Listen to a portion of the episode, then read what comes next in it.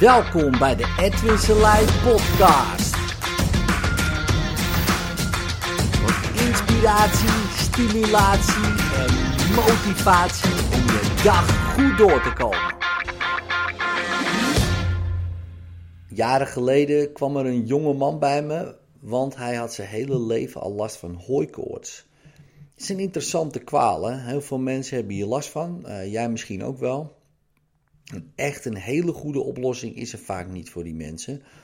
je hebt natuurlijk wel wat druppeltjes, je kan wat snuiven, maar het is vaak symptoombestrijding. En, en ja, de meeste mensen ja, die worden er doodmoe van. En, uh, maar goed, hij deed dat ook. Hè, dus hij nam ook druppeltjes, ook uh, uh, dingen om uh, in zijn neus te gooien. en dat deed hij. Ja, hij snoof en druppelde zich te pletten. Maar hardlopen kon hij niet meer. En terwijl dat zijn lust en zijn leven was. Nou, in het gesprek legde ik hem uit hoe ik een um, allergie zie. Ik, ik zeg, ik vergelijk het altijd met je buurman. Ik zeg, heb je een buurman? Zeg, ja, heb ik. Aardige man. Prima. Maar stel je voor dat je naar buiten loopt, je ziet hem. Um, dan reageer je daar op een bepaalde manier op, toch? Waarschijnlijk, denk ik, vriendelijk als je hem een aardige vent vindt. Ja, klopt. Maar stel je nou voor dat je buurman helemaal niet mag. dat het een eikel is, of misschien wel een klootzak. Dan reageer je waarschijnlijk heel anders. Misschien zelfs wel geïrriteerd. Nou, in ieder geval niet vriendelijk. Maar ken je mensen die je irriteren? Oh, zeker, ja, die ken ik wel. Nou, je zou op die mensen ook anders kunnen reageren, toch? In theorie. Dus op, die, op die pisbak bijvoorbeeld van een buurman. Je zou ook, hallo buurman, uh, vriendelijk kunnen reageren. In theorie, zegt, ja, ja, zou kunnen, zou kunnen. Nou, die buurman is als het ware dat polletje in je neus. Bij mij doet hij niks. Bij jou traan je je oog uit je kop. Je zou wel anders kunnen reageren, maar je weet niet hoe. Eigenlijk net als bij die buurman. Als het echt iemand is die je irriteert, je weet ergens wel, ja, ik zou anders kunnen reageren, maar hij haalt het bloed onder je nagels vandaan. Precies dezelfde reactie. Het is het reageren op iets of iemand. Het staat ook zo in de dikke vandalen. Ja? Gedrag is het reageren op iets of iemand. Een polletje is reageren op iets, dus is het gedrag, dus is het iets dat je doet en ook iets anders zou je dus kunnen doen. Nou, ik zeg, ik ga je leren hoe je er anders op uh, kunt reageren. Nou, er zijn een paar verschillende manieren voor uh, om dat te doen hè, met hooikoorts. Um, je zou kunnen kijken inderdaad um, wat het je oplevert. Dus wat levert die hooikoorts jou nou op? En dan je zeggen, ja, het jongen, dit, gewoon een volle neus, ik word er doodmoe van. Oké, maar wat levert dat je op? En zo vraag je door en het is best wel lastig als je niet zo denkt, hè, of nog niet die denkstijl uh, hebt aangenomen, dat alles voortkomt uit een positieve intentie.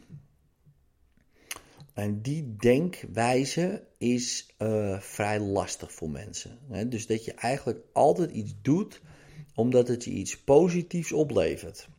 Zelfs als je iets doet wat ogenschijnlijk alleen maar shit oplevert, is het toch iets uh, dat het je oplevert. Hè, bijvoorbeeld, ik noem maar even een voorbeeld. Stel je voor, um, je krijgt hooikoorts. Dan, hoef, dan ga je dus bepaalde dingen kan je niet doen.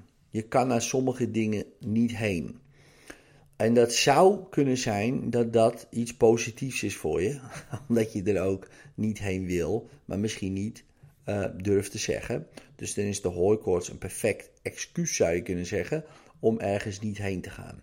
Je ziet het ook wel bij mensen die getraumatiseerd zijn, die daar uh, bepaalde, nou ja, niet alleen gevoelens um, bij creëren, uiteraard, wat logisch is hè, bij een traumatische ervaring, maar ook andere uh, gedragingen die ze weerhouden om ja, in zo'nzelfde situatie te komen.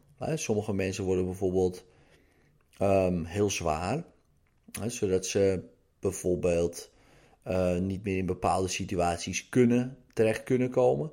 Sommige mensen nou ja, worden heel bang. Nou ja, dat kan je dan voorstellen, dat je dat vermijdt. Dat is vrij. Dat kunnen mensen op zich nog wel begrijpen. Maar dat je te zwaar wordt van iets, denk je, waarom zou dat zo zijn?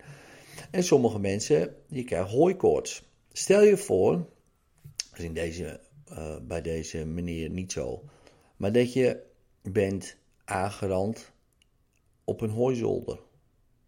Hè? Op een boerderij. Dan denk je, nou, een beetje ver gezocht. Nou, ik heb wel die casus uh, meegemaakt. Nou, casussen één, dus uh, niet meerdere. En die had daarna hooikoorts. Die wist diegene niet. Hè, die had dat nooit echt gelinkt aan elkaar. Wel ergens misschien een flauw vermoeden. Maar op een gegeven moment, na jaren, dan is dat gewoon een, een eigen leven gaan leiden. Natuurlijk, die hooikoorts dan. Dan ga je terugkijken denk je, hey, wacht eens even. Dit is het dus uh, gebeurd. Kijk, dan is het nog best wel duidelijk. Zou je kunnen zeggen, best wel een soort van correlatie. Van nou ja, nou, dit snap ik wel, weet je, maar bij mij, het, dat is gewoon niet zo. Nou, deze uh, meneer, gingen we ook terug in de tijd. Die kwam bij een situatie dat hij terugkwam van het zwembad. Hij had enorme rode ogen van het chloor van het zwembad. Hij kan ook niet goed tegen chloor. En toen zijn opa hem zag, zei hij meteen tegen hem: Jij hebt hooikoorts, net als ik. Zegt hij: Nou, opa, volgens mij is het gewoon nee. Jij hebt hooikoorts, ik heb hooikoorts, je vader heeft hooikoorts, iedereen heeft hooikoorts, jij hebt het nu ook. Je moet allemaal dingen nu gaan doen. Druppelen, snuiven en dat soort dingen. En vanaf dat moment had hij hooikoorts. Terwijl het niet zo was. We maakten die beslissing daar ongedaan. Hij kwam erachter, hij wacht eens even, mijn opa. Dit is een suggestie van mijn opa. En het resultaat, hij loopt gewoon hard en hij heeft nergens last van. Nou, dat is heel lastig natuurlijk te achterhalen, dit moment. Ja, voor hem bewust. Ja, bedoel, de man was al in de dertig. Ja, wat weet hij nog van, die, van dat moment? In hypnose kwamen we daarachter. Ja, en zo ken ik nog wel meerdere casussen waarbij uh, de persoon hooikoorts ging creëren omdat het hem of haar iets opleverde. bijvoorbeeld, oh, dan kan ik nu thuis blijven, of ik kan eerder weg naar school, van school, of zelfs ik wil hier gewoon weg uit deze omgeving. Maar ik durf dat niet zo te zeggen. bijvoorbeeld, ik ken iemand die had net eigenlijk een huis gekocht. Een droomhuis. Wilde daar graag wonen. Ging daar wonen. Toch niet helemaal lekker. Maar ja, wat ga je zeggen tegen je partner? Je kan moeilijk zeggen van nou, ehm, we gaan weer. En in een jaar tijd opeens hooikoorts. En opeens werd het zo erg, ja, die moesten verhuizen. Ja, dus als je zelf voor jezelf zo gaat denken. Dus, dus, dus ik nodig je uit om, om hier eens op die manier over na te denken. Um, dan kom je op best wel interessante ideeën misschien in jezelf terecht. Van hey, wacht eens even. Heeft dit niet een positieve intentie? Ja, is dit niet gewoon um, iets wat ik doe. Het is sowieso iets wat je doet. Uh, maar van waaruit doe ik dit? En dan zal je merken dat als jij daarachter komt, dat je het ook makkelijker kan oplossen. en wat wij dan ook vaak doen met een allergietechniek, is dat we bijvoorbeeld een en bijvoorbeeld, je hebt het op sommige plekken niet, bijvoorbeeld hooikoorts. Bijvoorbeeld aan het strand heb ik het niet. Oké, op het strand doe je het niet. Dat is een verschil, hè? Hebben, doen. Op het strand doe ik het niet. Ja, maar dat is logisch, want hier zijn dit niet, hier is dat niet. Oké, even los van dat, dus daar heb je het niet. Dus als je jezelf nu voorstelt dat je daar bent, en je gaat daar helemaal in, in associëren. Dus helemaal in het moment zijn, alsof je daar echt bent. En je verankert dat voor jezelf, hè, bijvoorbeeld aan een gebaar of aan een geluid of wat dan ook, zodat je daar heel makkelijk heen kan.